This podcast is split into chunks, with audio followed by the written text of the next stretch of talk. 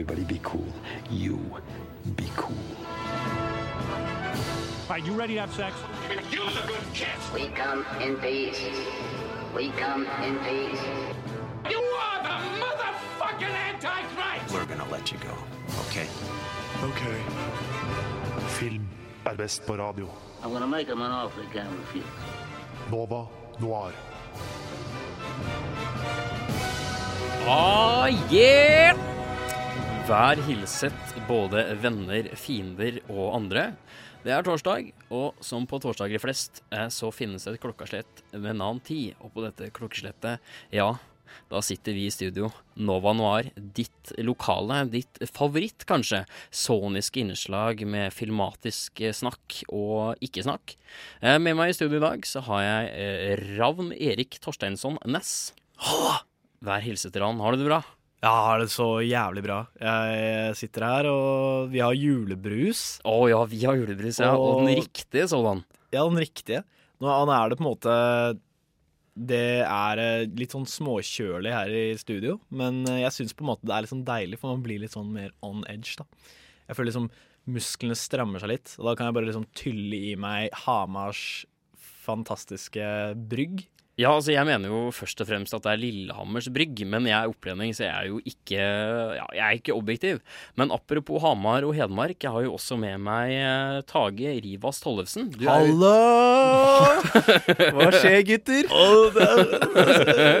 Nei, vi drikker vi, Altså, vi har ikke åpna brusen ennå, det kan vi faktisk gjøre nå med en gang. Da har vi sånn Foran mikken. kul Jeg håper det ikke spruter som fader, da. Nei, men det gjør ikke Åh, fan.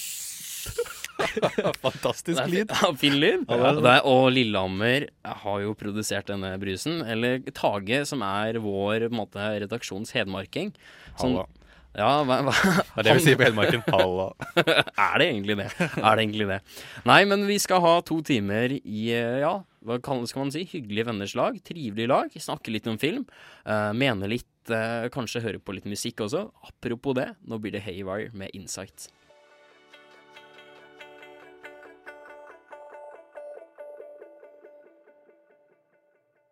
Ja, det var Haywire med Insight. Nå drikkes det jules, julebrus, og det danses, og det Ja. Du, eh, du Ravn. Altså, julebrus drikkes, ikke slurpes, med venn. Vet du hva? Du, you gotta release them juices, yo. Må oksidere julebrusen for å Ja. få, få fram riktig aromas. Jeg har jobbet lenge med å få sånn teknikk for å få fram liksom de ordentlige boblene. Ja. Boblenes bobler, som det heter. ja, Tross alt det smaker kullsyre, har en veldig spesiell og kan være bouquet, er det det heter? Ja, det er det, er det man kaller det. Ja, bouquet. Eller er det bu eller bo? Usikker. Bucket? Nei da. Buck, ja. ja. Riktig. Men nå skal vi ikke snakke om julebrus, selv om vi sikkert kunne ha fylt to timer med sendetid bare med å snakke om eh, den herligste og herlig, herlige drikke. Nå skal vi over til ukas filmnyheter.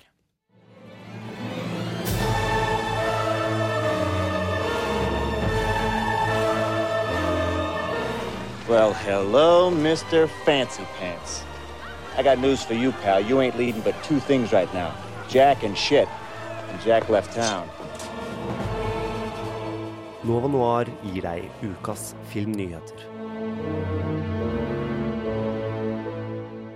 Ja, da har en uke gått siden forrige sending, og i løpet av den uka så har det jo skjedd litt i filmens verden, som i alle andre verdener, hvis man skal si det på den måten. Eh, først og fremst eh, så har det jo vært litt snakk om litt skriblerier om eh, Hva skal man si? Litt sånn kreative eh, forskjeller, litt sånn type uenighet. Eh, mellom eh, Hva skal man si? Tim Miller, regissøren av den første Deadpool-filmen, som ja, fant ut at han var ikke riktig mann for Deadpool 2, og baila. Og han har da funnet seg et uh, nytt prosjekt. Dette prosjektet er jo da, hva skal man si, uh, alle Sega-barns store våte drøm. Det er jo da selvfølgelig Sonic the Hedgehog. Uh, ja, hva tror dere om det, gutter? Terningkast nei. Terningkast nei. Jeg kunne jo ikke vært mer enig. Altså, hva det jeg sa for noe i stad når vi satt inne på redigeringsrommet? Altså, bare ideen i seg selv. Vi lager en en, Sonic-film. Og jeg tenker da, jeg ser for meg eh, i disse dager hvor live action-filmer, altså på en måte animasjonsfilmer eller spill, som gjøres om til live action Jeg ser for meg live action Sonic. Fy søren, det er jo Jeg ser for deg på en måte en dårligere versjon av Space Jam. En, en film som sikkert kommer til å få pixels til å se ut som et mesterstykke av en film. Jeg ser for meg det her kommer til å bli Crash and Burn Armageddon. Det blir nei. Uh, ja. Eh, Det jeg ikke forstår, er at eh, filmskapere gang på gang prøver seg på det eh, apokalyptiske vraket av et konsept som er å lage filmer basert på spill. Det har ikke gått bra en eneste gang. Nei, altså jeg skjønner ikke hva de skal hente av historie heller. Altså, for min del, som har vokst opp på 90-tallet og spilt min fair share med Sonic-spill, så er det primært jeg er et blått pinnsvin som løper relativt fort, har andre hårete venner, og jeg skal samle såkalte diamanter, eller Chaos Emeralds, fra en litt sånn bitter skalla professorfyr som heter Eggman. Det er jo ikke noe mer enn det. Men jeg må jo nevne at det var jo en sånn uh, Sonic the Hedgehog-tegneserie. Det har vært flere, Ja, faktisk. og han var, jeg har sett noen klipp, og selv om den er veldig 90-talls og veldig cheesy, så virker han som en litt morsom karakter som har sånn her, eh, litt sånn Spiderman, sånne kjappe replikker og 'jeg er kjapp' og Ja. Så, men men spørsmålet er jo om de klarer å gjøre noe kult ut av det, om det bare blir helt tragedie. Jeg tror det blir helt jævlig, for å være helt ærlig. Jeg tror det blir sånn der epileptisk ADHD-maraton på LSD. Det er det jeg tror det kommer til å bli. Det er eh, Ja, han er rask, da. Det er liksom Jo, Det er jo hovedgreia hans, så det kommer nok til å bli mye rask. Jeg håper at det blir en eh, rask film, for å si det på den måten. En relativt kort film også. Men, eh, men ja, gutter, har vi noe mer som vi har funnet av nyheter? Uh, ja, absolutt. Det, er, det koker i uh, filmverdenen, altså. Uh, det er så mye som det Det er en norsk nyhet, så å si. Det er, handler om uh, vår alle, alles kjære regissør Joakim Trier. Ja.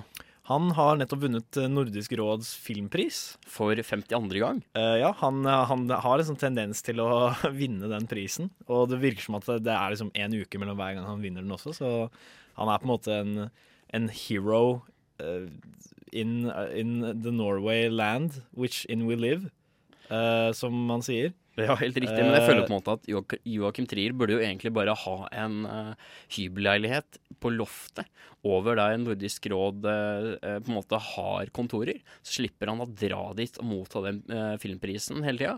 For jeg føler han er jo der annenhver uke. Er det bare meg? Eller er det bare jeg som er såpass, hva skal man si um, Har såpass dårlig hukommelse at jeg ikke husker at det, eller kommer på at det er en gang i året. Det jeg, jeg vet ikke. Jeg tror det bare er det at han gir så stort inntrykk at man hus det sitter igjen, da. Eh, ett år igjen. Eh, det er tredje gangen da han vinner Nordisk råds eh, filmpris. Dette er da for 'Louder Than Bombs', Riktig, riktig. den eh, nyeste filmen hans. Riktig. Eh, da fikk han da 350 000 danske kroner. eh, Gratulerer med dagen. For det. Og det er jo kult for han, da. Ja, nei, vi får håpe at uh, statister og litt verse på en måte, det på en måte, hva skal man si, renner litt ned på de som har vært statister. For det har jo du vært, Ran, har du ikke det? Det stemmer. Uh, Joakim Triers uh, nyeste mesterverk som kommer uh, en eller annen gang i fremtiden.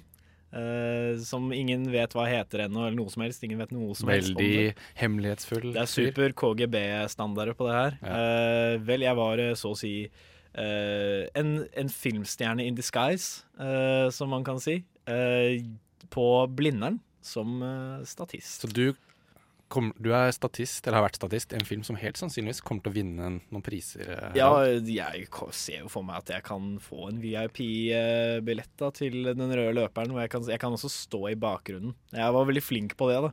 Ja, det er bra jobba. Jeg var veldig flink på å gå bortover og stå i bakgrunnen og være og, og eksistere, egentlig. Det er jo en god start, for å si det på den måten. Men ja, gratulerer Joakim Trier med 350 000 blankpolerte danske kroner.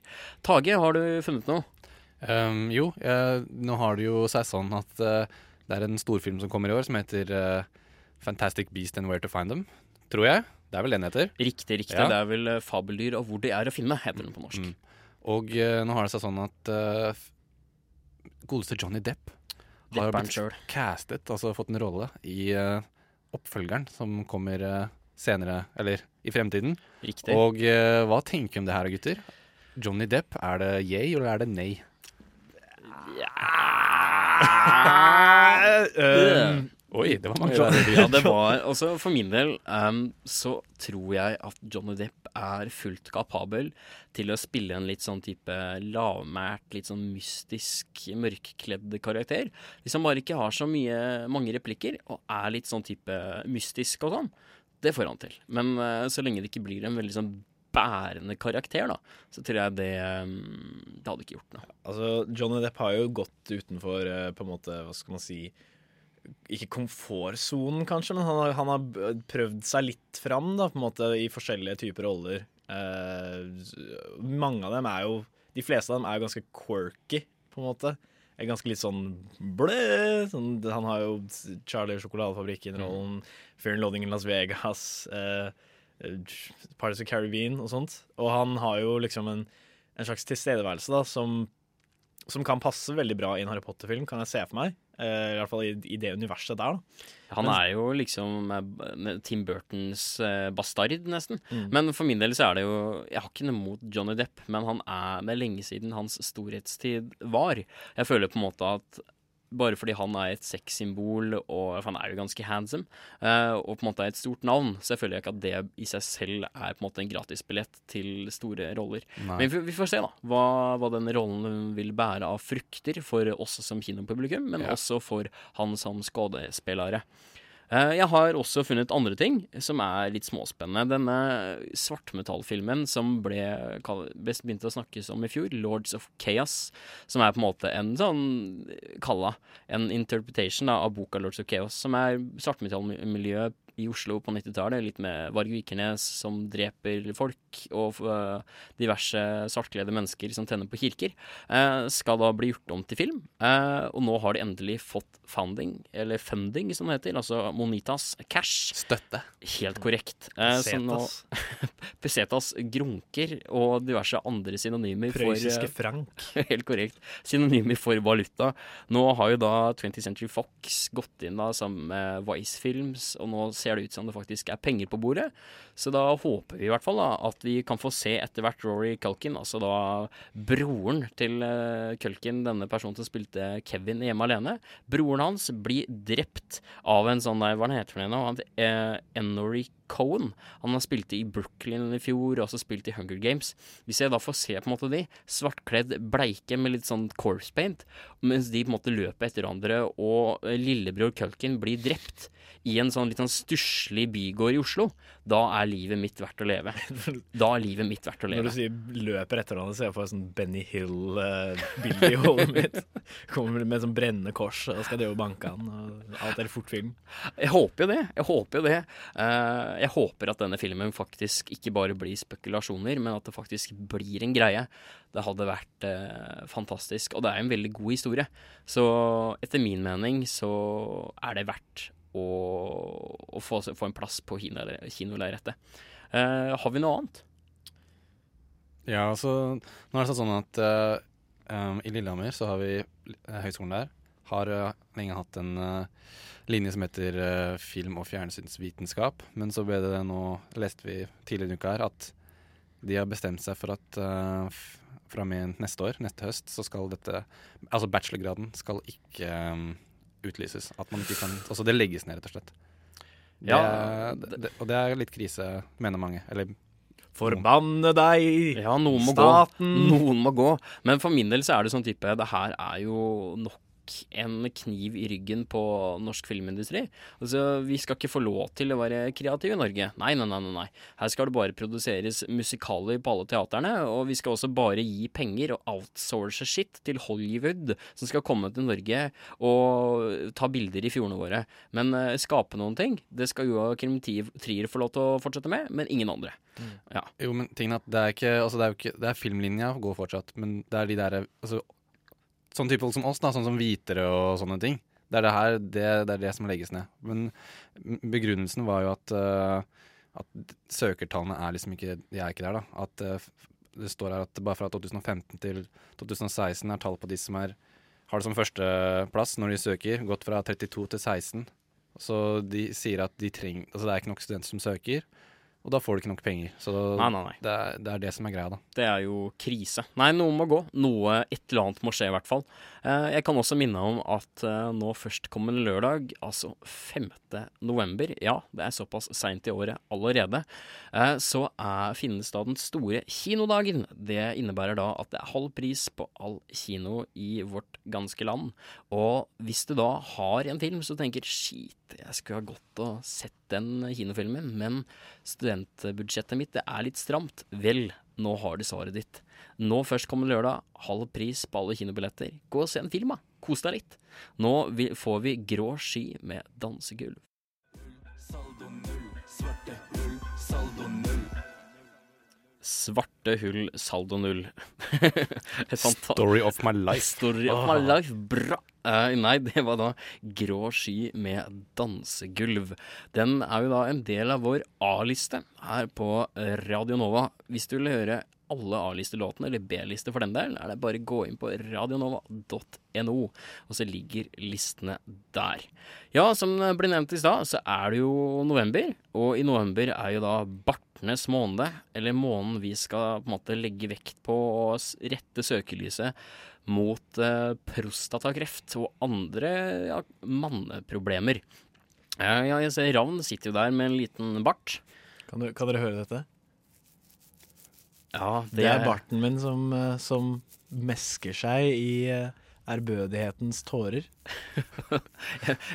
Det høres jo nitrist ut, og ja, det er trist. Det er en veldig trist bart. Ja. det, det, Eh, nå, nå, nå tenkte jeg ikke på barten din, Ron. nå tenkte jeg på Prostatakreft. Helt riktig. Ja, det er veldig trist. Det er, jeg, jeg har barten min, og jeg har mye sympati og mye empati og mye å si om det. Ja, helt riktig. Du får ta en slurk av julebrusen din, Ran, eh, og så tar jeg deg videre. Takk til deg og slurping. Nei da. Men i hvert fall nå Sorry. Men i hvert fall, eh, nå som det er november, eh, så skal vi da igjen vokse fram barter. Det store, små, eh, blonde, svarte, brune barter skal frem og struttes med. Eh, og vi skal legge vekt på manneproblemer som da f.eks. prostatakreft. Folk, gå og sjekk dere.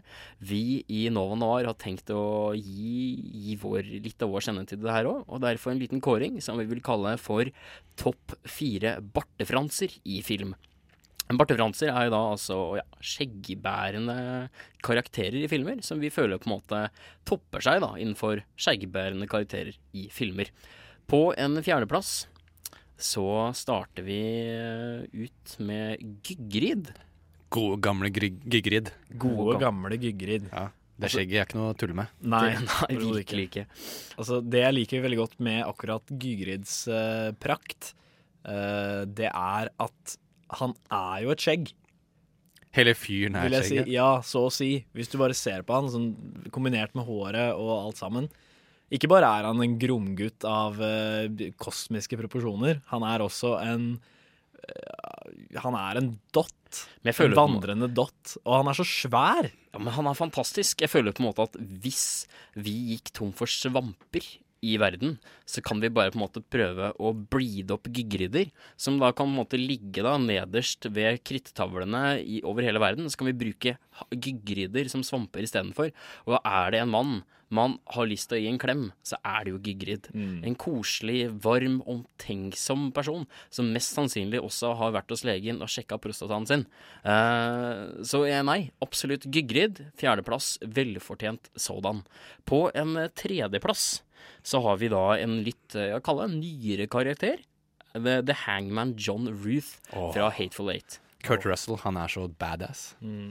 Han er mann, ass. Det er, eh, det er en eh, veldig, veldig mektig, sensuell bart han har. Den, er, den har mye personlighet, da. Mm. Den, det er sånn type bart som uh, enhver motorsyklistentusiast ønsker seg, kan jeg se for meg. Det er sånn type at eh, Hulk Hogan blir litt sånn der Få Får litt mindreverdighetskomplekser. Og bare det i seg selv er jo virkelig en prestasjon. Ja, for den går jo sånn bølgete fra barten ned i skjegget, liksom, så det bare blir sånn massiv sånn derre Hva skal man kalle det? Bare en massiv eh, bølge med manndom. Mm. Altså, Hateful Eight er jo en, en westernfilm, og det er nesten litt synd at ikke bartetrendene er på samme nivå som det de var på den tiden. Men jeg ser for meg at det kommer til å komme tilbake. Nå har vi jo hatt denne hipsterbølgen med litt forskjellig skjegg. Eh, og jeg ser for meg at nå etter hvert, når helskjegget begynner på en måte å bli litt opprykt, så kommer vi kanskje tilbake til litt sånn morsomme bartetrender. Litt mer sånn Bjørnson-aktige mennesker. Eh, det, det hadde jeg satt pris på, i hvert fall. Eh, jeg ser for meg liksom at hvis man eh, søker på det, google det alle sammen hjemme, eh, på Kurt Russell sin karakter i Hateful Eight, så får du kanskje ja, litt inspirasjon. Eh, uansett, eh, nå sitter det vel sikkert på pinebenken og lurer på ja, hvem er nummer to og én på vår liste over favorittbartefranser i film? Vet du hva? Det skal du få vite, men det blir etter This Town Need Guns med It's Not True Rufus, Don't Listen to the Hat. Ja, det var This Town Needs Guns med It's Not True Rufus, Don't Listen to the Hat. En sånn ordentlig sånn salve av en låttittel der, altså. Fra Oxford-bandet This Town Needs Guns, nå kalt TTNG. Så de har på en måte korta ned på bandnavnet, da. Det, jo, det hjelper jo litt på, i hvert fall. Ja, men altså, det er jo en uh, stilig tittel, da, på et band. Og det kan jo falle i den fella å bli litt sånn MGMT-tendenser. At man får den, litt den referansen, da. Når man hører bare TTNG. Ja, enig, enig. Eh, Men samtidig så er det på en måte en forkortelse, da. Og så er det jo en liksom morsomt lite stikk til Oxford, som er den byen i eh, England som har minst kriminalitet. Så det er litt sånn ironisk, litt sånn smålig vittig, vittige greier. Eh, Men ja, tilbake til eh, der vi slapp, holdt jeg på å si. Vår lille liste med topp fire bartefranser i film. Vi har da allerede kåret fjerde- og tredjeplassen, som var Gygrid og hangman John Ruth. Og på tredjeplass, mine venner, så befinner den store, den allmektige master Pai Mei. Pai Mei fra Kill Bill. Han er eh, Jeg føler han er den som bruker eh, skjegget slash barten sin som en del av karakteren. Han har sånn derre gestikulasjon som bare er sånn hm, hm, You are not worthy! Hm. Han er litt der og bare Han, han, han, snakker, eh, han snakker på mandarin. Jeg vet det. Men, Men hvis han skulle snakket Veldig, ja. Jeg, jeg, jeg følte jeg ble veldig sånn smårasistisk. Ja, nei, men det- det er men det er sånn jeg tenker hvis han hadde snakket engelsk i en film, så hadde han snakket sånn. Jeg vet faktisk ikke hva som hadde vært best eh, om du sa snakket pulse, sir? Så bare Ikke greit. Eller jo da, det er greit. Vi, vet takhøyden er relativt høy her i Nå og når, så vi sier det er innafor. Men eh, ja, det stemmer. Han har jo veldig sånn den derre Fu Manchu-greia på steroider eh, pågående. Sånn veldig, veldig sensei-bart, da. Og det lange skjegget sitt. Men jeg ser for meg at han kunne Jeg lurer på hva man kan Altså, han bruker det måte til å vifte med, og litt sånn type som en eh, sånn gestikulasjonaktig, da. For å på en måte poengtere et eh, et poeng, for eksempel, da. Så på en måte svaier han, en måte børster bort skjegget sitt i en eller annen retning. Men jeg ser for meg at han kan kunne brukt det som en malepensel, har jeg tenkt på ofte. Det, At- helt, det er helt sikkert. Ja, jeg tenker på det, liksom at Han kunne jo sikkert ha eh, liksom tatt og brukt tjæra båter med skjegget sitt og litt sånn forskjellige ting. Og det føler jeg på en måte at han er jo også en vis mann, som mest sannsynlig også har lagt seg på benken og fått sjekka prostata. Vil jeg, vil jeg påstå. Nei, men absolutt. Jeg syns at master Pai Mei, han måtte med på lista vår. Men ja. Eh, ja, det er bare veldig viktig på en måte da, å til- erkjenne skjeggets rolle i film. Eh, fordi det som Pai Mei gjør, mye er at han sitter og stryker skjegget sitt. da. Og det kan jeg se for meg er en slags sånn eh, prøv, At han viser at han er en vis mann, med tanke på at skjegget det symboliserer jo på en måte, ofte på en måte, alderdom og, og kunnskap og alt dette her. Altså det at han sitter og bare gnir på skjegget sitt. Ja, jeg har hatt eh, mindreverdighetskomplekser i en årrekke med, på bakgrunn av min manglende skjeggvekst. Men eh, jeg har vel eh, Ja, det får jeg gjort veldig lite med, egentlig. Men jeg vurderer nå for første gang å kanskje skulle gro ut min første Movember-bart. Eh, ja, jeg får litt inspirasjon av denne spalten. Kanskje. Kanskje det handler i et par sånne bilder på og Noir sine eh, ja, både Facebook-side, men også Instagram-konto eh, av min lille ja, ferd gjennom Moember. Kanskje vi skal prøve å få til det? Vi kan prøve det. eh, vi får se hvor, hvor god respons det får. Jeg tror du kommer til å få en, ja, en, ja, hva skal jeg si, en veldig god respons, vil jeg påstå. Men nå har dere sittet nok på pinebenken. Vi skal eh, ja, avduke vår førsteplass. Og etter min mening så er jo det Ja, hva skal man si? Ingen kan vel være uenig i at på førsteplass så har vi Hercule Poirot. Min favorittdetektiv sådan. Eh, denne Barte-Fransen fra Belgia, som mange tror er fra Frankrike, men han er veldig flink til å poengtere Nei, min venn, jeg er ikke fra Frankrike, jeg er fra Belgia. Helt riktig. Denne Barte-Fransen, Agatha Christies egen eh, hva skal jeg si, påfunn av en fantastisk mesterdetektiv. Hvilket forhold har det til Poirot? Uh, det skal sies at jeg har uh, ikke sett noe særlig av Poirot, verken uh, serie eller film eller noe som helst. Men det jeg kan si, er at barten hans har gjort et stort inntrykk på meg som person. eh, og som menneske, og som, eh, som eh, kritiker. Og jeg har tenkt på det hver eneste gang jeg har sett en bart. Vet du hva? Måler den opp til Poirots eh, fantastiske man? Det tviler jeg sterkt på. Men vet du hva, Ran? Da har vi en fantastisk mulighet, for vi skal få litt med, mer og litt bedre bekjentskap med Poirot og hans fantastiske bart litt senere. Men først skal vi høre på Cancer med deg One More Time.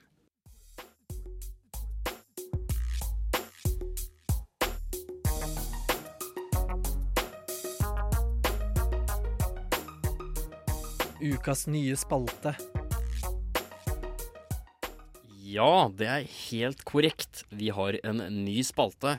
Og som dere hørte like før den lille trudelutten vi hadde der i stad, så handler dette om Hercule Poirot, vår favoritt Barte-Frans.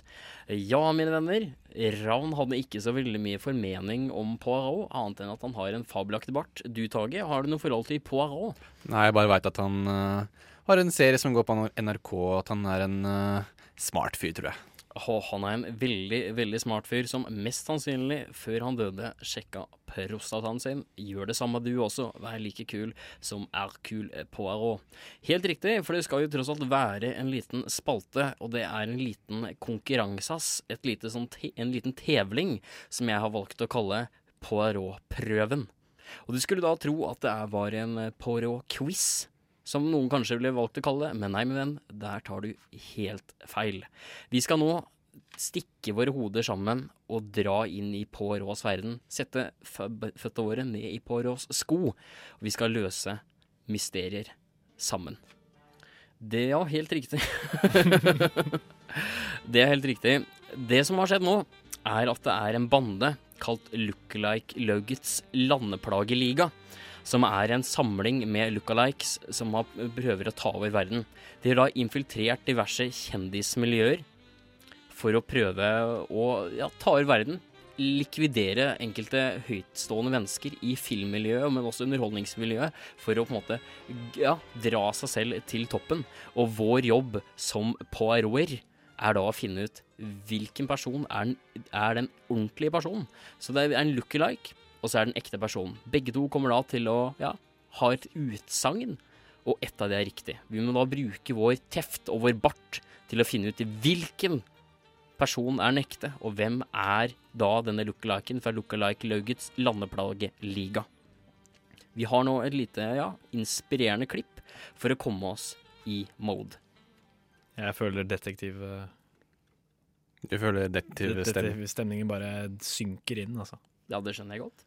Mesdames, messieurs, I give to you Hercule Poirot. He is the greatest detective in the world. I will visit the scene of the crime. This is not one of your detective fictions. We must deal here only with the truth. Who can have done these dreadful things? Poirot will discover all, madame. So you know who the murderer is? It is unwise to conceal matters from Poirot. Yes, it is unwise to conceal matters from Poirot. Som jeg sier på litt broken engleska. Helt korrekt. Første oppdrag. Vi har blitt innkalt til et lite naust på Notodden. Tande P har blitt penetrert i alle åpninger med årer. Spikret opp etter veggen sitter denne mediemogulen, en person som også for så vidt har ansvar for salg av Baileys i Norge, og er ja, massakrert. Du finner da to stykker i dette rommet. Og hvem er nå dette? Jo, helt riktig, det er Nikolai Klevebrok ganger to. Fy flate. Hvilken av karakterene er en utsendt agent fra Lookalike Laugets landeplageliga, og hvem er den ekte Nikolai Kleve Broch? Det er det vi skal finne ut sammen. Tage, Ravn, Ja. dere med deres kløkt og deres årvåkne Poirot-øyne har lagt merke til at det er navneskilt på begge to. De har mest sannsynlig vært på en konferanse, fått utdelt navneskilt. Men det er en vesentlig forskjell med disse navneskiltene. På, den, på det ene navneskiltet så står det Nikolai Klevebrok med C-L-E-V-E, mens på det andre står det K-L-E-V-E. Hvilken av Klevebrokkene er morderen, og hvilken er den ekte klevebrokk? Oi, oi, oi. Dette er veldig mystisk. Hvem er denne Klevebrok med C, og hvem er Klevebrok med K? La meg eh, konsultere min Bart. Og du tar på din bart. Den var fin. Jeg har lik. Vel, uh, dette her er eh, intenst. Jeg føler meg veldig rystet over Tande-Ps uh, plutselige bortgang. Og eh, vet du hva, jeg, jeg er villig til å ta et steg for å prøve å løse dette mysteriet. Fordi jeg ransaker min indre detektivjournal. Hvor jeg har notert og skriblet og skrablet eh, alle detaljer om eh, kjendislivet og alle Se og Hør-faktaene jeg har eh, kommet over i mitt liv. Riktig, riktig. Og da husker jeg eh, ganske bastant at Mr. Klevebrokk skrives med C og ikke K. Velger det da å dra frem lugeren og skyte Klevebrokk med K? Vi skyter han! La oss skyte han fyren der. Nå skyter vi han! Oh. vi skjøt Han skal dø. Jeg tror Ja. Dere er- valgte da Der, ja. dere, er valgte, dere valgte da å skyte Klevebrokk med K. Og det er helt riktig. Dere, dere fakket den utsendte agenten fra Lookalike Kan jeg ta et eh, seiersskudd i liket hans? Ja. Der, ja. Og han, og han er jævel. virkelig død. Virkelig det. vi har hevnet deg. Første mysteriet er løst, og løst korrekt. Riktig mann er tatt. Nå det har blitt innkalt til et flyplasstoalett i Roma. Å no. Offeret, offeret som ligger der, oppskrellet med en potetskreller. I skrell er Keanu Reeves. Han er skrellet opp til små, Nei. My darling. til, små- til små strimler. Det ser ut som kebabkjøtt. Over hele flyplasstoalettet. Han er smurt opp etter veggene, oppover taket. Det renner Keanu Reeves fra alle vegger og tak. Og oppi alt dette eh, Ja, hva skal man kalle det? Blodsølet. Denne pølen av Keanu Reeves. Så står det to Anne Dahl Torp. Men dere med deres nok en gang Poirot-kløkt har fått stilt et, ja, hva skal man si, et kontrollspørsmål. Der den ene Andal Torpen hevder at hun har spilt i Uno, den andre hevder at hun har spilt i Uro. Hvilken Andal Torp er en agent utsendt av Lookalike Laugets landeplageliga, og hvilke er den virkelige Andal Torp? Vel, jeg husker at i um, 2000 og Var det seks? Eller noe sånt. Jeg, Det var så, noe sånt. Så var jeg på en kinodate i Hamar, faktisk. Og da så vi godeste Uro. Og da husker jeg at det var en scene hvor Ane Dahl Torp er toppløs. Torpløs. Sånt husker er jeg veldig godt. Hun er torpløs. Hun er toppløs. Den kysken henne, hun er toppløs, og det er ikke bra. Så jeg tror at den Dale Torp som var med i Uno, er en fuckings morder.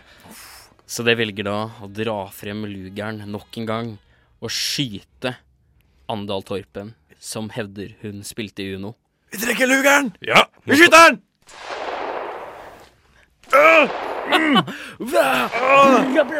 Pang, pang! Annedal Torp. Pang, pang, pang! Annedal Torp. Skjøt vi riktig? Annedal Torp lever i beste velgående. Dere har skytt riktig agent. Det var selvfølgelig lookaliken fra Lookalike-ligaens Nei, Lookalike-laugets uh, landeplageliga som utga seg for å være Annedal Torp, som hadde spilt i Uno. Hun har nemlig spilt i Uro, ikke i Uno. Nok en seier for Poirot og hans kløkt, bart og lignende. Mm. Nå til siste mysterium. Og det er et mysterium til? Yes, altså. Dere har blitt innkalt til deres egen stue. Ja, helt riktig. Til Poirots stue i Essex. Marmoren glinser. Art Nouveau er preget utover hele leiligheten. Skyggene, lampene. Det lukter blod.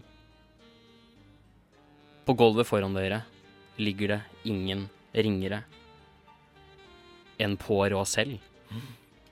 Men det er ikke Poirot, det er bare du, Poirot, med din kløkt, som har tenkt at selvfølgelig nå som du har tatt og skytt to agenter fra Lookalike-laugets landeplageliga, har skaffet en dobbeltganger, sånn at hvis landeplagelauget faktisk sender ut en agent for å kverke deg, likvidere deg, så var du klar. Og i din egen stue, sammen med liket av lookaliken din, står det også nok en lookalike. Jaden Smith ganger to. Å nei, ikke han lille Smith-gutten. Han er irriterende. Jaden Smith står i stuen din, og du med din kløkt og din bart har selvfølgelig også stilt noen kontrollspørsmål for å finne ut hvilken som er en lookalike, og hvilken som er den ikke riktige, ordentlige, ekte Jaden Smith. De har derfor spurt om han kan komme med et eksempel med et av tweetene sine. Og det har da fått to svaralternativer, altså to, to utsagn. Det ene er et tweet som Jaden Smith skal ha tweetet. How can mirrors be real if our eyes aren't real? Sier den ene Jaden Smithen. Den andre Jaden Smithen sier Dying is mainstream. Hashtag money. Hvilken av Jaden Smithene velger du å skyte med lugeren? Nei, nå må jeg konsultere prostataoraklet her. Eh, La meg eh, gjennomsøke de innerste avgrunner av min eh, hukommelse. Jeg husker også nå, med min eh, bartehjerne, at Jaden Smith har skrevet på sin Twitter tweed, sin t- t- tweet, tweet, Twitter. sin Twitter at speil ikke er ekte. Fordi, som kjent, professor Smith med ph.d. i speil har anerkjent det at våre øyne er heller ikke ekte. Ja, hva sier du, Tage? Dette er veldig profound, som man sier på godt engelsk. Eller franfond, som man sier på, på fransk. Hva, hva velger de? Hvem skyter dere? Han andre fyren.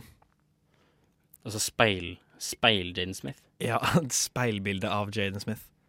Han som ikke skrev om speil var ekte. Dying is mainstream, hashtag money. Han der, ja. Riktig. Skyt. Han skal dø. Den! Lugeren avfyres. Røyken stiger opp av løpet. Og dere har funnet ut at det var ikke en utsendelse fra lande, eh, eh, Lookalike-laugets landeplageliga dere har skutt. Å nei. Det var Jaden Smith. Oh my god, vi skjøt Jaden Smith. Men Jaden Smith lever fortsatt videre. For det var nemlig en klone av Jaden Smith som var i rommet. For begge tweetene har Jaden Smith tatt og tweetet. Fy Nok et krumspring, en twist i Poirots liv. Poirot drar fram lugeren og skyter den andre Jaden Smithen. Det ligger to døde Jaden Smith og en død Poirot på gulvet i den, ja, hva skal man si, sagnomsuste, den vakre leiligheten i Essex. Blodet flyter. Og verden er fortsatt rettferdig. Her har du Harvard med Cardboard Houses. Det var fantastiske Harvard med Cardboard Houses. Nå skal vi over til en liten filmanmeldelse. Dette er ukens kinopremierer.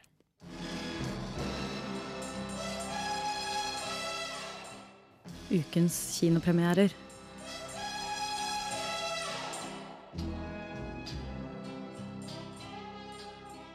Ja, ny uke, nye kinopremierer, nye filmer på lerretet. Nok en film som, ja, kan ses, og det kan menes ting om.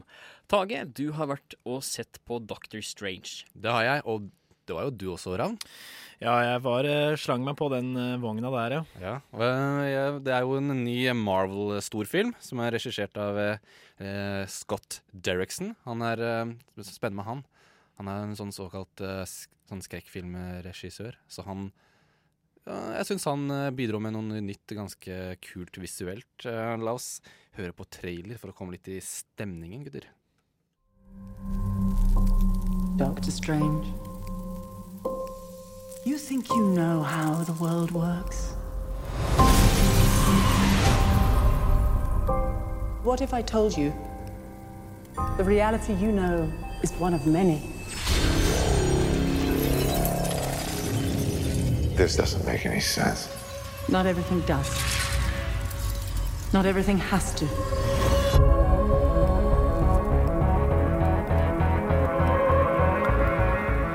Through the mystic arts, we harness energy and shape reality. We travel great distances in an instant. How do I get from here to there? How did you become a doctor? Study and practice, years of it.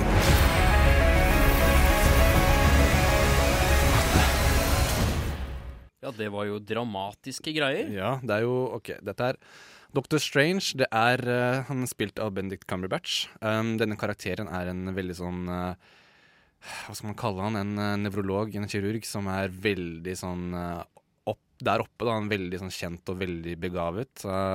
Og han er en karakter, eller en type person, som er veldig sånn Litt sånn Tony Stark, som har sett Iron Man. Litt sånn høy på seg selv, litt sånn eplekjekk, og føler at han er veldig Han er liksom the shit, da. Og eh, Han er jo the shit også. Han er jo en jævla flink kirurg. Ja. Eh, og det er- hjelper jo ikke på saken. Nei, også, men uh, en dag eller en kveld så havner han i en bilulykke, en veldig alvorlig en, så vidt han overlever. Og det, det, han våkner opp da, hvor uh, hendene hans, hans uh, Hva skal man si? Hans uh, Geskjeft. Ja. Hans arbeidsverktøy, så å si. Ja, de er blitt helt ødelagt. Helt smadret, og han kan nesten ikke bruke hendene sine lenger. Og han er veldig, veldig Altså, han går gjennom en eh, slags Han går fra å være på, på himmelen til å gå rett ned i helvete for han. Og eh, filmen handler om at han eh, prøver å finne ut hvordan han skal klare å rehabilitere hendene sine. Og når vestlig medisin ikke lenger fungerer, så tyr han til Østen for å prøve å finne en kur i den østlige medisinen. Og da dukker han eh, Eller han møter han på eh, Tilda Swinton sin karakter, som er The Ancient One, som forteller at det fins mye mer mellom himmel og jord enn du tror, eller du visste om Dr. Strange. Ja, for jeg føler på en måte at eh, det plottet du skildrer, er på en måte en veldig en veldig fin greie, men det virker veldig åpent. Eh, føler du på en måte at det er noe framgang i filmen? Har du på en måte et konkret mål å jobbe fram mot? Eller er det mer sånn type litt som at det er en, et sandbox-spill, liksom? Det bare skjer ting som er interessant? Jo, det, filmen starter med at man ser at eh, Mats Mikkelsen sin karakter, som heter eh, noe så godt som å, åh, Det var komplisert. Han har sånn Dasilius eller uh, Kaisilius. Kaisilius, ja. Ja. Det var det. Han, eh, du ser at han eh, stjeler noen papirer fra en bok som uh, visstnok er veldig viktige. Eh, han er han skurken i filmen. Og eh, dette er jo en slags origin story, altså hvordan man ser fra Dr. Strange blir den uh, Går fra å være en lege til å bli en uh, kunst... Eller en magiker. Ja, så å si, altså Hele, hele Dr. Strange-karakteren da er jo en superhelt som bruker svart magi, så å si, eller uh, på en måte the ancient arts, som man kaller det. Og det, hø det, er veldig, det høres veldig vagt ut, og det er nettopp det det er. Uh, for jeg personlig ante ingenting om Doctor Strange som en karakter. Jeg hadde ikke lest noen av tegneseriene, ikke hørt noe særlig om det. Og jeg prøvde å unngå, ikke se, unngå å se trailer også, så jeg ikke egentlig visste hva jeg gikk til. Og det, jeg synes det, var, det er en veldig kul superhelt, på en måte, som et konsept. Det, er, det er veldig, veldig sånn eh, mye, mye, mange interessante krefter. Da. Mye morsomt som man kan uh, vise. Uh, og det er på en måte det hovedsakelig jeg syns var best med filmen. da Som Mm. virkelig fikk filmen til å sette seg hos meg. Jeg var alle de visuelle effektene. Så cinem- cinematografien og bildene var veldig gode, da. Ja, det var, var veldig sånn Alt så på en måte veldig dyrt ut, hvis det, Ja, det kan det er jeg enig i. Og altså det er én scene i filmen, man ser det litt i traileren også, at hun tar på panna hans og bare sånn, sender han inn i den mest syke, psykedeliske reisen jeg tror noen noensinne kunne ha opplevd hvis det skjedde på ekte. Hvor han bare flyr igjennom dimensjoner og multiverses og alt mulig rart, som, han, som de kaller det. Og, og så jeg, jeg føler at når jeg så den filmen her, så ble jeg helt sånn Jeg har ikke følt at shit, det har jeg aldri sett før, siden kanskje Matrix eller Inception. Så mange drar sammenlignende de to filmene, sånn rent visuelt. Så det visuelle var veldig on point. Hvordan var lydmiksen? Eh, jeg syns at uh, Som man kaller det soundtracken, eller scoren, liksom, det syns jeg var sånn veldig sånn standard Marvel. Ikke, husker liksom, kan ikke liksom huske sånn Å ja, det her, å, det her var kul musikk. Men uh, jeg syns uh, sånn, lydmiksinga var veldig fet. Mm. Det var, eh, vi så den jo i en kinosal, men altså, i kinosaler er det også veldig veldig høyt volum. Så det kan bli actionscener og sånn, så blir det veldig veldig mektig og veldig veldig kraftig. da Og det skal det jo absolutt være. Fabelaktig. Hvordan, eh, hvis vi skal summere opp eh, historiedelen av det hele, det som skal formidles tross alt, var det, var det noe særlig, liksom? Eller var det bare en sånn visuell eh, mesterverk? Jeg syns at eh, jeg synes at um, altså, hvordan historien er bygd opp, er veldig standard Marvel-filmer. Eller standard sånne superheltfilmer generelt, hvor det er en fyr som eh, er relativt vanlig, og så havner han inn i et eller annet skjer, og så han Og så finner han en ny Hva skal man si, en sånn calling, og så blir han en superhelt til slutt. Men jeg syns at man aldri, vi har aldri sett magi i en superheltfilm på denne måten før. Og jeg syns det er kult at nå For at nå åpner de opp for så utrolig mange muligheter i Marvel-universet, fordi nå er det en person som er kyndig i de magiske krefter og uh, kan bruke sine krefter for å gjøre veldig mye rart. Han kan uh, gjøre veldig mye med tid, og uh, jeg syns det er veldig kult hva de potensialet videre er, da, nå som de har introdusert Dr. Strange inn i universet. Og skuespillerprestasjonene var eh, gode, eller? Ja, det, jeg syns cast- altså jeg syns skuespillet var kanskje noe av det beste med hele filmen. Ja, det, og effektene. Ja, det er det absolutt. Uh, jeg, altså, Superheltfilmer har jo nå i det siste fått et veldig mye bedre rykte enn de kanskje hadde før. Så nå virker det som at det er veldig mye flere sånn ordentlig high-end, profesjonelle, ordentlig seriøse skuespillere som kommer. da. Ja, det var jo- Bendik Cumberbatch gjør jo en uh, utrolig fin Ja, og så er det jo også Tilda Swinton som spiller The Ancient One. Det var mye sånn drama om at, og hvitvasking i Hollywood og sånne ting, men jeg syns hun var utrolig bra i den karakteren. Fantastisk. Har vi en eh, karakter å lande på? For min del så syns jeg at uh, Altså, ja, jeg syns dette her var en veldig god film. Jeg syns den var veldig underholdende. Jeg kjeda meg egentlig ikke i det hele tatt når jeg så den.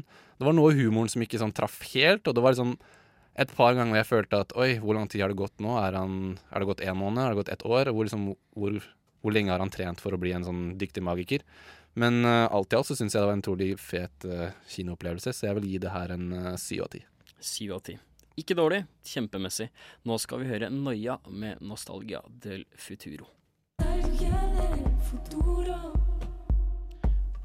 Det var vakre Noia med Nostalgia de Futuro. Nok en låt fra vår A-liste. Gå inn på radionova.no, så finner du alle låtene som nevnt tidligere. Vi snakka jo så vidt om det, Ravn, at du ikke var så veldig kjent med dette Marvel-universet. Og vi er jo nå inne i en, eh, ja, en filmatisk tidsalder hvor ja, filmuniverser, filmserier, er det som regjerer på ja, kinoplakatet, på tapetet generelt. Og det å finne en selvstendig film, altså en film som ikke er en del av et større univers, som det er DC-univers, Marvel-univers eller en filmserie, er eh, mer og mer sjeldent. Og vi tenkte derfor å snakke bitte litt om ja, hva syns vi om at alt, alle filmer skal pakkes inn i en, ja, inn i law, inn i en slags ja, hva skal man si, en pakke da, med informasjon og historier som allerede, eksisterer, når samtidig veldig mange av kinopublikummet kanskje ikke har sett da, alle filmene som kom tidligere, eller all informasjonen som er tilgjengelig fra før. Det er jo en, Den første åpenbare grunnen er jo det at um, filmselskaper da kan på en måte leve på laurbærene til uh, de forrige uh, filmene. Og da har på en måte publikum allerede en referanse å trekke fra. De trenger ikke å opparbeide noen sånn tillit til publikum på nytt, sånn som man gjør med nye filmer. Uh, og den Doctor Strange, som vi nettopp snakket om og anmeldte, uh, den uh, er en slags på en måte en enkeltstående film, på, i den måten at den har, den, den har ingen av de gamle karakterene vi har sett før. Men den, har, den hviler allikevel på Marvel sine skuldre, da. Og det, det gir den jo selvfølgelig en boost. Absolutt. Altså jeg skjønner veldig godt hva du mener. Det er jo veldig mange sånne økonomiske eh, si, fordeler med å gjøre det på den måten. Men samtidig så er det på en måte etter min mening litt sånn derre dårlig smidd eh, toegga sverd som jeg føler på en måte hele den pakka her gir oss. Det er litt, for det første, så er det jo at eh, det liksom ikke kan komme enkeltstående filmer som kan stå på egne ben og komme med noe helt nytt uh, uten å måtte hvile på, da, som du sier, på f.eks. på Marvel sine skuldre. Og Samtidig så legger de alltid filmatisk sett og historisk da, opp til at uansett hvem det er, så skal du kunne forstå alt. Der igjen så blir det veldig mye gjentagelse, og jeg føler at det blir veldig mye sånn banaliteter som gjentas. Så for min del så blir det liksom sånn type Og vi resirkulerer ting for å skape økonomisk vekst, kanskje ikke så mye kulturell nyskapning. Og det syns jeg er litt sånn trist, da. Ja. Det er både og, eh, tenker jeg, da. Eh, I hvert fall at det er en Selvfølgelig, jeg, jeg støtter absolutt kvalitet fremfor kvantitet, eh, men det er jo Disse filmene de tjener jo enorme pengesummer hver, hver eneste gang de slippes, og det tyder jo på at folket vil ha det. Fordi noen mennesker mener jo det at, eh, de, at de skulle ønske at for eksempel det bare kom 100 nye Marvel-filmer, da, for eksempel. Eh, de har ikke noe imot at ting blir remade, fordi de bare elsker det. Men eh, ja, Ravn, du som Du sa jo til meg at at du hadde sett film, at du hadde ikke sett noen av eksempel Avengers-filmene, var det ikke det? Men syns du det liksom, Følte du at eh, det var noe i Doctor Strange som gjorde at sånn, hmm, Jeg har ikke sett liksom, Du følte at du måtte ha sett de andre filmene for å få utbytte av det? For at jeg syns ikke at uh, den jeg syns den sto på egne bein. Jeg syns at liksom, de hinter til å nevne litt eh, andre Marvel-filmer, men jeg syns den her sto veldig sånn enkeltstående. Og at uh, jeg syns det var en ganske, ja, ganske individuell film sånn sett. Ja, sånn sett var det det. Uh, den, den hadde ikke noe sånn integrert av av det, men den har alli- allikevel på en måte Marvel-stempelet, bruker Marvels uh, renommé eh, og sånt som sin, eh, som sin støttespiller når det kommer til å få publikum. Mm. Um, men det jeg syns også var litt komisk med bare akkurat Doctor Strange, veldig kjapt, at eh, den er jo en del Den er jo en del av det universet, selv om de ikke nevner det så mye i filmen. Og det at han Doctor Strange er så liksom logisk, da, og veldig veldig sånn rasjonell type, Mm. Uh, når han da lever i det samme universet som alle disse Avengerne og alle disse superheltene, så er det en sånn slags logisk brist der, da. Ja. Men som de sa i traileren, så Everything doesn't have to make sense. Og jeg føler at det er litt mantra da, til uh, disse her uh, filmskaperne som skaper sånne universer som da hvor kronologien krasjer helt, og ting ikke gir mening egentlig. For det er sånn, ja, men hvis han gjør det, da vet han vet ikke han om det, og sånne ting. da. Det er liksom Legge godvilja til, så går vel det meste. det- men, ja. men det er liksom som du sa, Tagi, det er litt som det med å finne den gode uh, common ground. Den liksom riktig på måte balansere på kniveggen, da, hvor det på en måte kan være en egenverdi i filmen, men samtidig også at det er et del av et større univers. Og det er en veldig sånn type en vanskelig balansegang da, for mange. Det er ikke alle som får det til, men det er jo veldig gledelig å høre at Dr. Strange har fått til nettopp det her. Eh, send inn meldinger du også. Eh, hva mener du? Syns du at det er for mye serier? Er det for mange store filmuniverser? Hva mener du? Nå skal vi høre 20 Sill og Fa Fashion med Copycat. Ja, fete linjer og groovy beats der, altså. Fra 20 Sill og Fashan med Copycat. 20 Sill altså en av eh, si, DJ-ene i kollektivet, det franske sådan C2C. Kjempebra, så du på Roskilde for noen år tilbake. Det var absolutt å anbefale. Ja, nå har vi snakket litt om filmuniverser og eh, ja, det ene og det andre. Apropos filmunivers, så har tidligere medarbeider her i Novo Noir, Gaute Strindler, eh, laget et lite innslag for noen år tilbake. Han arve, han arvet noen brev av sin bestefar, eh, mystiske sådan, som omhandlet rasen predators. Og han valgte derfor å spille inn disse brevene. Og vi skal høre da på hva bestefaren til Gaute mente om eh, disse predatorene. Vi er ikke alene. Vi er ikke gamle eller sterke eller smarte eller noe som helst spennende. Men først og fremst vi er ikke alene. Det er andre der ute. Andre mål, andre språk og andre kropper. Andre raser. Noen ganger kommer de hit.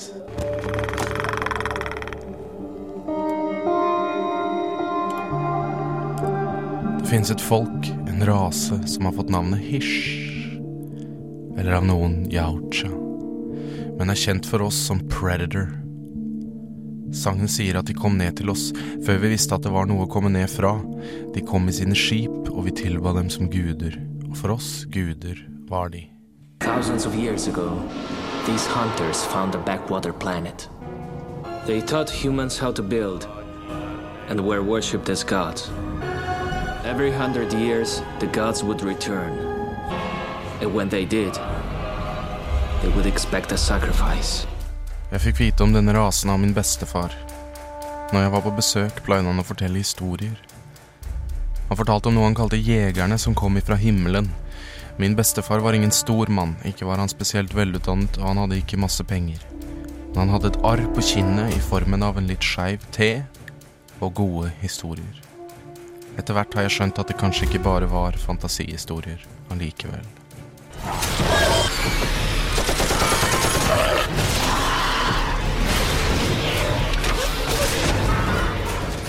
I historiene var det mennesker, og det var romvesener. De kom for jakten. Det var ikke vi som jaktet.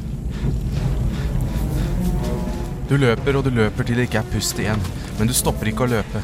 Bak deg er det noe du ikke kan se, men du føler at de er der. Blodsmaken brenner i munnen, og du puster inn og ut, inn og ut, inn og ut. Du stopper, for du kan ikke løpe mer. Du snur deg, og ut av intet kommer det. Et vesen på to bein, men stor. Større enn et menneske. Det har reptillignende skinn og klør istedenfor negler. Rundt livet henger det en tøybit som dekker skrittet, og rundt overkroppen er det noe som ser ut som en rustning. Brystplate, skulderplater og en hjelm. Vesenet har våpen. Et slags spyd som blir kortere og lengre ettersom. En blanding mellom en kastestjerne og en boomerang. Den kommer alltid tilbake. Et nett som du har sett kan omfavne en voksen mann, klemme han til han tyter ut av hullene.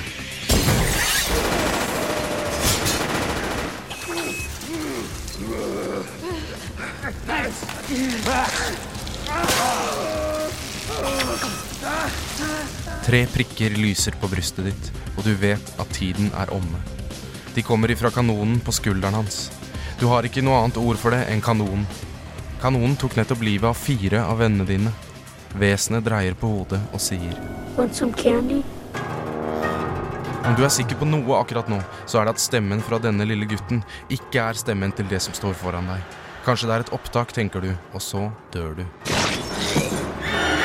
Etter at hjertet har sluttet å slå og smerten er borte, har man åtte minutter med hjerneaktivitet før du ikke er mer. I disse åtte minuttene vet vi ikke hva som skjer, men om du fortsatt er til stede, så vil du høre lyden av klikking og hissing. Vesenet står over deg og brøler sin triumf. Du ser at det tar av seg masken.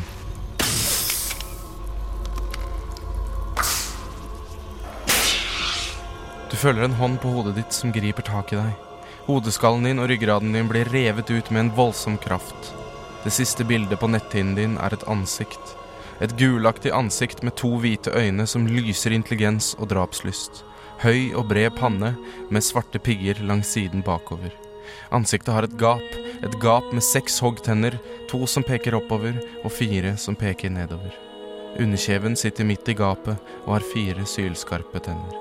På siden av hodet henger det tjukke kveiler med oljete hår i fletter. Du lukker øynene. Du svinner bort med en lyd i ørene.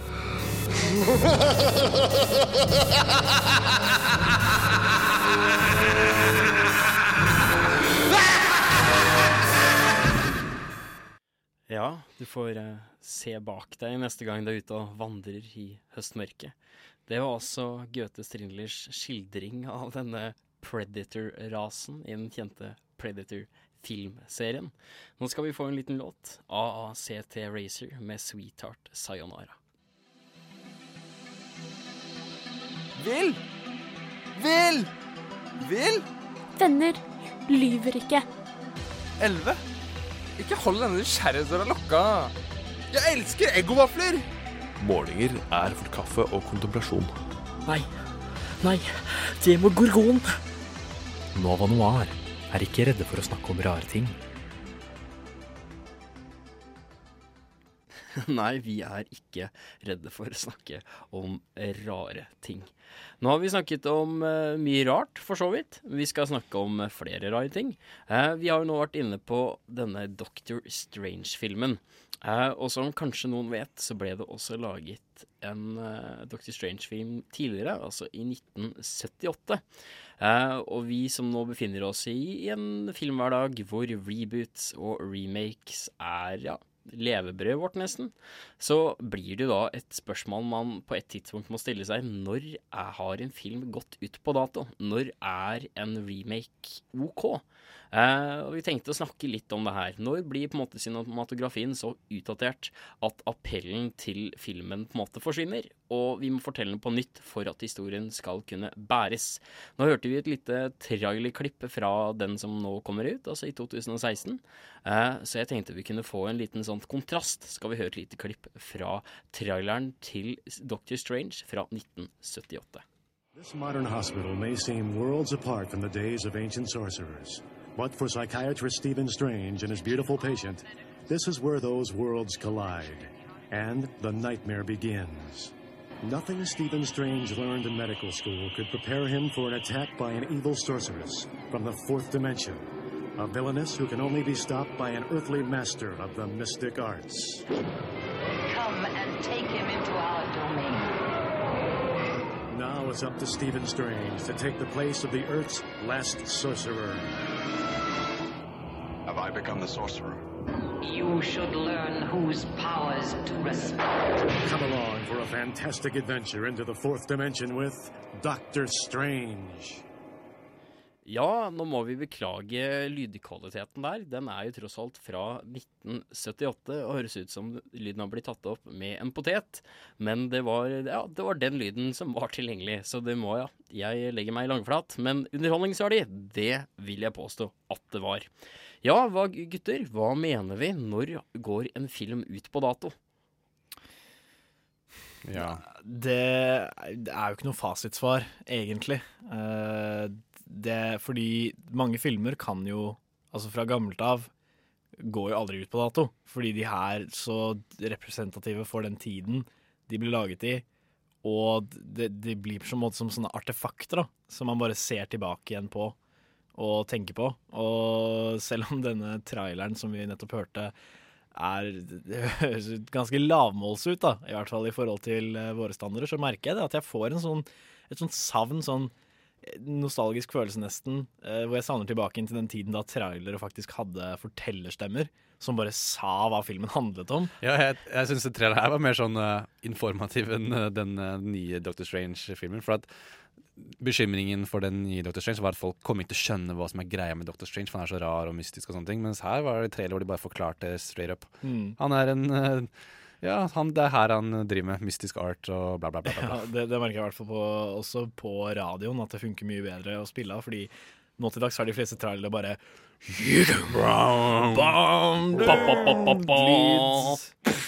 Og så én quote på slutten, og en punchline. ikke sant? Og det, det, er vanskelig å skjønne hva som foregår basert på bare lyden. Men her bare ja, leser de fra manus, basically. Ja, absolutt. Nå skal vi ikke snakke om filmtrailere 1978 kontra 2016, men uansett, jeg skjønte poenget. Eh, For min del så er det litt sånn, som du også sa, Ravn, noen filmer holder seg godt, men jeg tror det har veldig mye med hva slags filmatiske grep som har blitt gjort. da.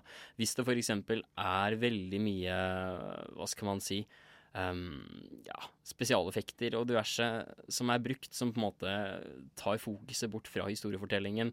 Hvis det på en måte er replikker og på en måte ja, historiske grep som er tatt, som er veldig sånn Kanskje for oss veldig fremmed, da, sånn at vi ikke kan kjenne oss igjen, fordi det er tross alt laget i en annen tid. Hvis man ser en film fra ja, 40-50-tallet, så kan det hende at det er ganske mye sånn rasistisk shit. Kanskje det er mye ja, litt sånn kvinnefiendtlig skitt. Og da, for, for vår del, så blir jo det litt sånn frastøtende. Det kan jo også hende at disse replikkene disse scenene kanskje ikke er så sentrale da, for historien seg selv. Så det igjen å på en måte sette det i nye rammer og fokusere på det gode ved en historie, sånn at det skal kunne på en måte ivareta historiens ja, vet ikke, briljans er jo ikke feil, men samtidig så føler jeg jo at det ofte blir gjort remakes ikke på bakgrunn av det her, altså fortelle historier som ikke er godt nok fortalt etter våre standarder, men heller for å tjene cash, da. Eh, da er da finne kanskje, ja, kanskje finne en bedre løsning på det, jeg vet ikke. Ja, jeg syns Disney, som jeg snakka om tidligere, at de der live action-remakesene, det er en sånn cash grab. Og de klassiske filmene, altså de er animasjoner.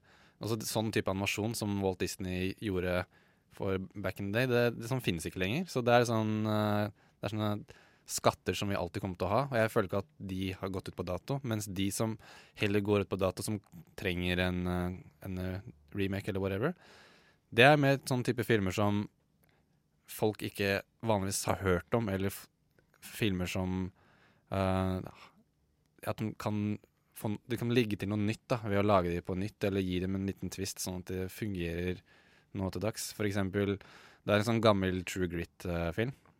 jeg syns den nye True Grit uh, funka superbra, så den hadde ikke jeg noe mot at ble gjort om på nytt. Og også The Departed var også uh, en remake av uh, en film fra Hongkong som het Infernal Affairs eller noe sånt. Jeg tror det. Mm. Den også, En sånn type remake syns jeg er bra, for at da har du en asiatisk setting, og så har du en, uh, setter du det i amerikansk setting, hvor, og det også forandra mye på plottet, så da funka det godt. Mens en straight up bare sånn Vi tar en uh, klassiker og bare gjør en uh, live action remake av det. Det er billig. Ja, fordi jeg tror det er det instinktet en filmskaper må ha. At de må se masse film, åpenbart, og da finne kanskje liksom småobskure ting som de kanskje, kanskje de vekker, det vekkes et sånt instinkt hvor de tenker vet du hva, det der kunne jeg gjort så mye bedre. Eller sånn, de ser et potensial da. Det var liksom Oceans Eleven for eksempel også. Det var også sånn, det var også egentlig en, det var også egentlig en remake, Ja. men ja. Det, det, det syns jeg er en remake som både den eldste var bra, jeg syns den nye funka greit, men så nå kommer noe nå, nå kommer det en sånn uh, Oceans Eleven med bare damer. Ikke at jeg har imot at, at de bytter ut damer med menn, men, Men jeg syns ideen er så billig. Jeg syns ideen er så latskap. At Absolutt. de skal bare ta noe, en klassiker, og så bare kjøre det med «Øh, La oss ta bare damer. Men, Ja, altså, det kan bli utrolig bra, men jeg syns ideen bak er ganske lat. Ja, er altså, i hvert fall når det kommer til Hvis man skal spille på mm, den appellen det er, da, og liksom ha en film som har kvinnelige hovedkarakterer, altså protagonister, eh, som er en veldig god ting, men for i pokker kan ikke de damene da få sin egen film, egen historie, da. Ja, altså, jeg ser på en måte det blir så Det blir så billig, det blir så bullshit. Jeg føler på en måte at hele den reboot-remake-bølgen er jo en god ting. Vi på en måte ivaretar en kulturell tradisjon av å gjenfortelle gode historier og ivareta de, og det er en god ting. Men samtidig så er jo den da, som vi har nevnt, å finne på en måte den eh, ja, den gylne middelvei, da vi ivaretar de gode historiene og ikke bare tenker å, jeg kan tjene cash på det her, liksom. Men eh, nei, det er mye man kan si av det. Vi skal se, si mer om det senere. Men først skal vi si, eh, høre litt på Dead Mouse med Ghost and Stuff. Ja, klassiske Ghost and Stuff med Deadmouse og Rob Swire på vokal.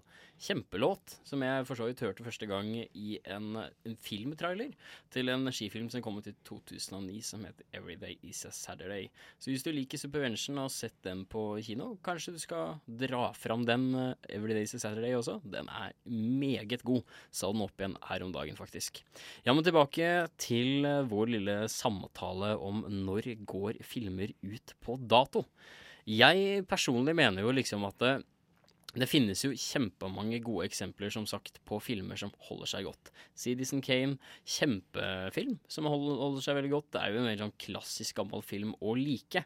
Men jeg føler på en måte at eh, jeg vet ikke, Vi må også hedre arven vår, den filmatiske arven. Det er viktig å ikke glemme hva, vi, hva som har vært.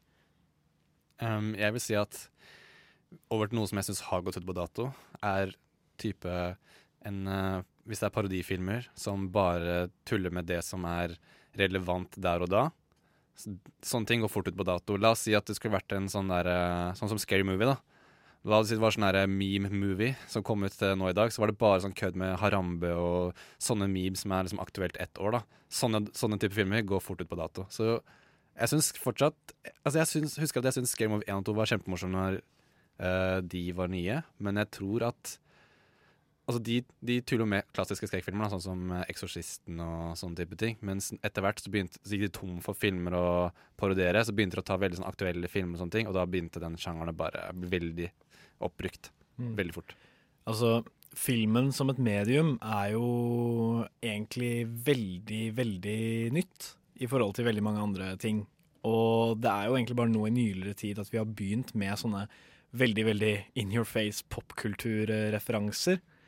Og det tror jeg faktisk eh, kommer til å kanskje bli et problem, da, når det, kommer til akkurat det temaet her. Eh, om eh, at filmene kommer bare til å svinne hen, og folk kommer ikke til å kunne klare å relatere seg til det. La oss si liksom, om 100 år, da, når folk ser Scary Movie 10, eller hva faen, på den tiden der, og ser alle disse popkulturreferansene og tingene de lager, så, så blir folk bare forvirret og irritert og sette på et eller annet annet. Absolutt, du har poengene her, altså. Men samtidig så er det litt sånn uh, Hva er bakgrunnen for at man lager hver enkelt film? Det er jo som regel for å tjene penger i box office og underholde et samtidspublikum, og det i seg selv syns jeg er greit. Men samtidig så er det på en måte det å ha et ideal om å prøve å lage filmatiske historier som også kan holde lenger enn to eller tre år, da, er jo heller ikke en dum ting. Men det tror jeg på en måte er litt sånn type Sanne Sånne ting går opp og ned når det kommer til hva slags type uttrykk som er populære, hva slags ja, filmatiske grep og referanser som det blir siktet til. Uh, men, men samtidig så er det jo også enkelte uttrykk uh, som vedvarer og som fungerer veldig godt. 80-talls eh, actionfilmer syns jeg fortsatt er hysterisk festlig å se på, for det er så over the top og festlig. Og nå er det jo ikke bare jeg til som syns det er festlig, for det kom jo den Kung Fury-filmen som kom, var det i fjor, eller var det forrige fjor den kom? Det var i fjor. Det var i fjor, ja. Så sånne små homasjer da, til eh, en svunnen tid og en svunnen filmkultur er jo fortsatt eh, noe som pågår, da. Og det er veldig bra. Men det som er skummelt med det, er at hvis det blir for mye av det For at, det, sånn, det er jo veldig mye, det er veldig mye i vinden at ting skal være nostalgisk. For eksempel Stranger Things er jo veldig sånn Noen kritiserer for at det er sånn nostalgia porn. Mm. Og så jeg syns at uh, Stranger Things var sånn De har sånn fin balanse mellom uh, ny fortelling og liksom mye sånn nostalgi, og liksom ga liksom hommage til gamle Gamle serier og filmer og sånne ting. Mens uh, hvis det blir veldig sånn at ting skal være sånn super sånn, oh, husk, sånn som South Park. Sånn, hvis dere ser på South Park om dagen, så er det veldig sånn det derre Og alt, alt som er sånn ny Ny underholdning er bare sånn gammel underholdning, egentlig. Bare sånn, å, husker du 80-tallet? Her har du en sånn 80-tall-type actionfilm. Eller og så videre.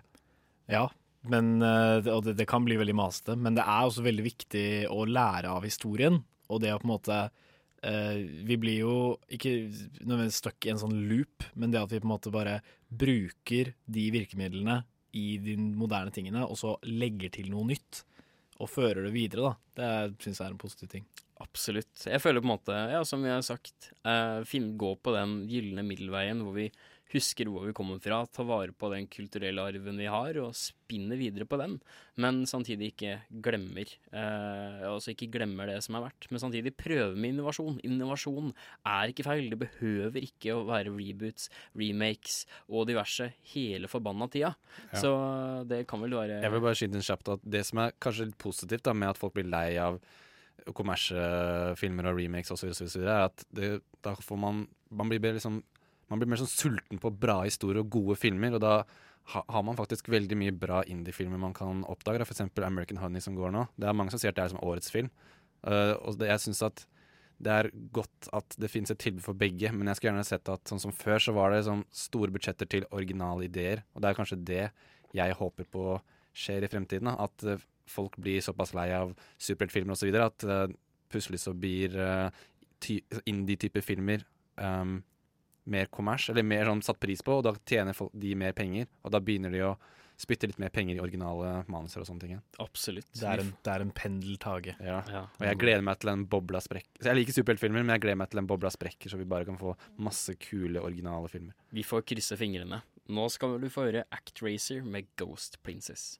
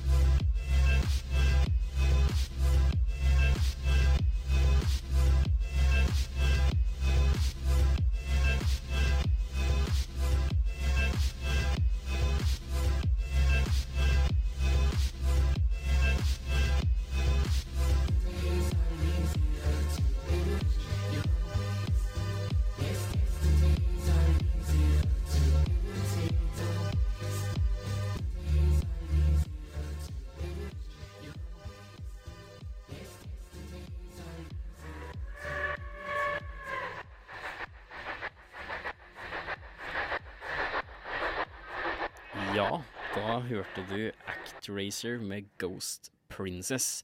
Vi nærmer oss dessverre slutten her i Nova Noir. Vi har bablet om barter, Poirot, andre mennesker med barter for den del. Filmnyheter har vi vært innom. Vi har anmeldt ei lita film.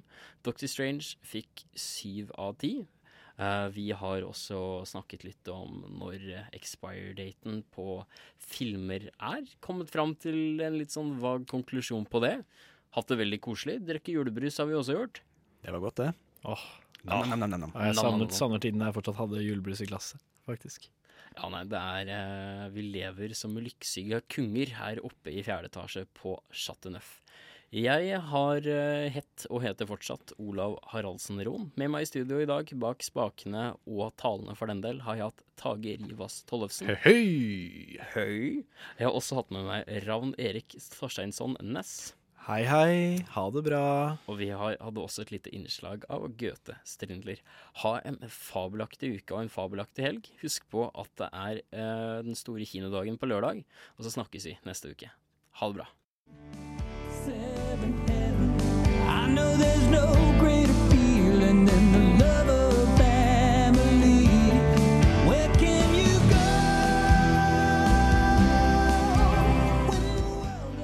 Nova Noir, din syvende himmel.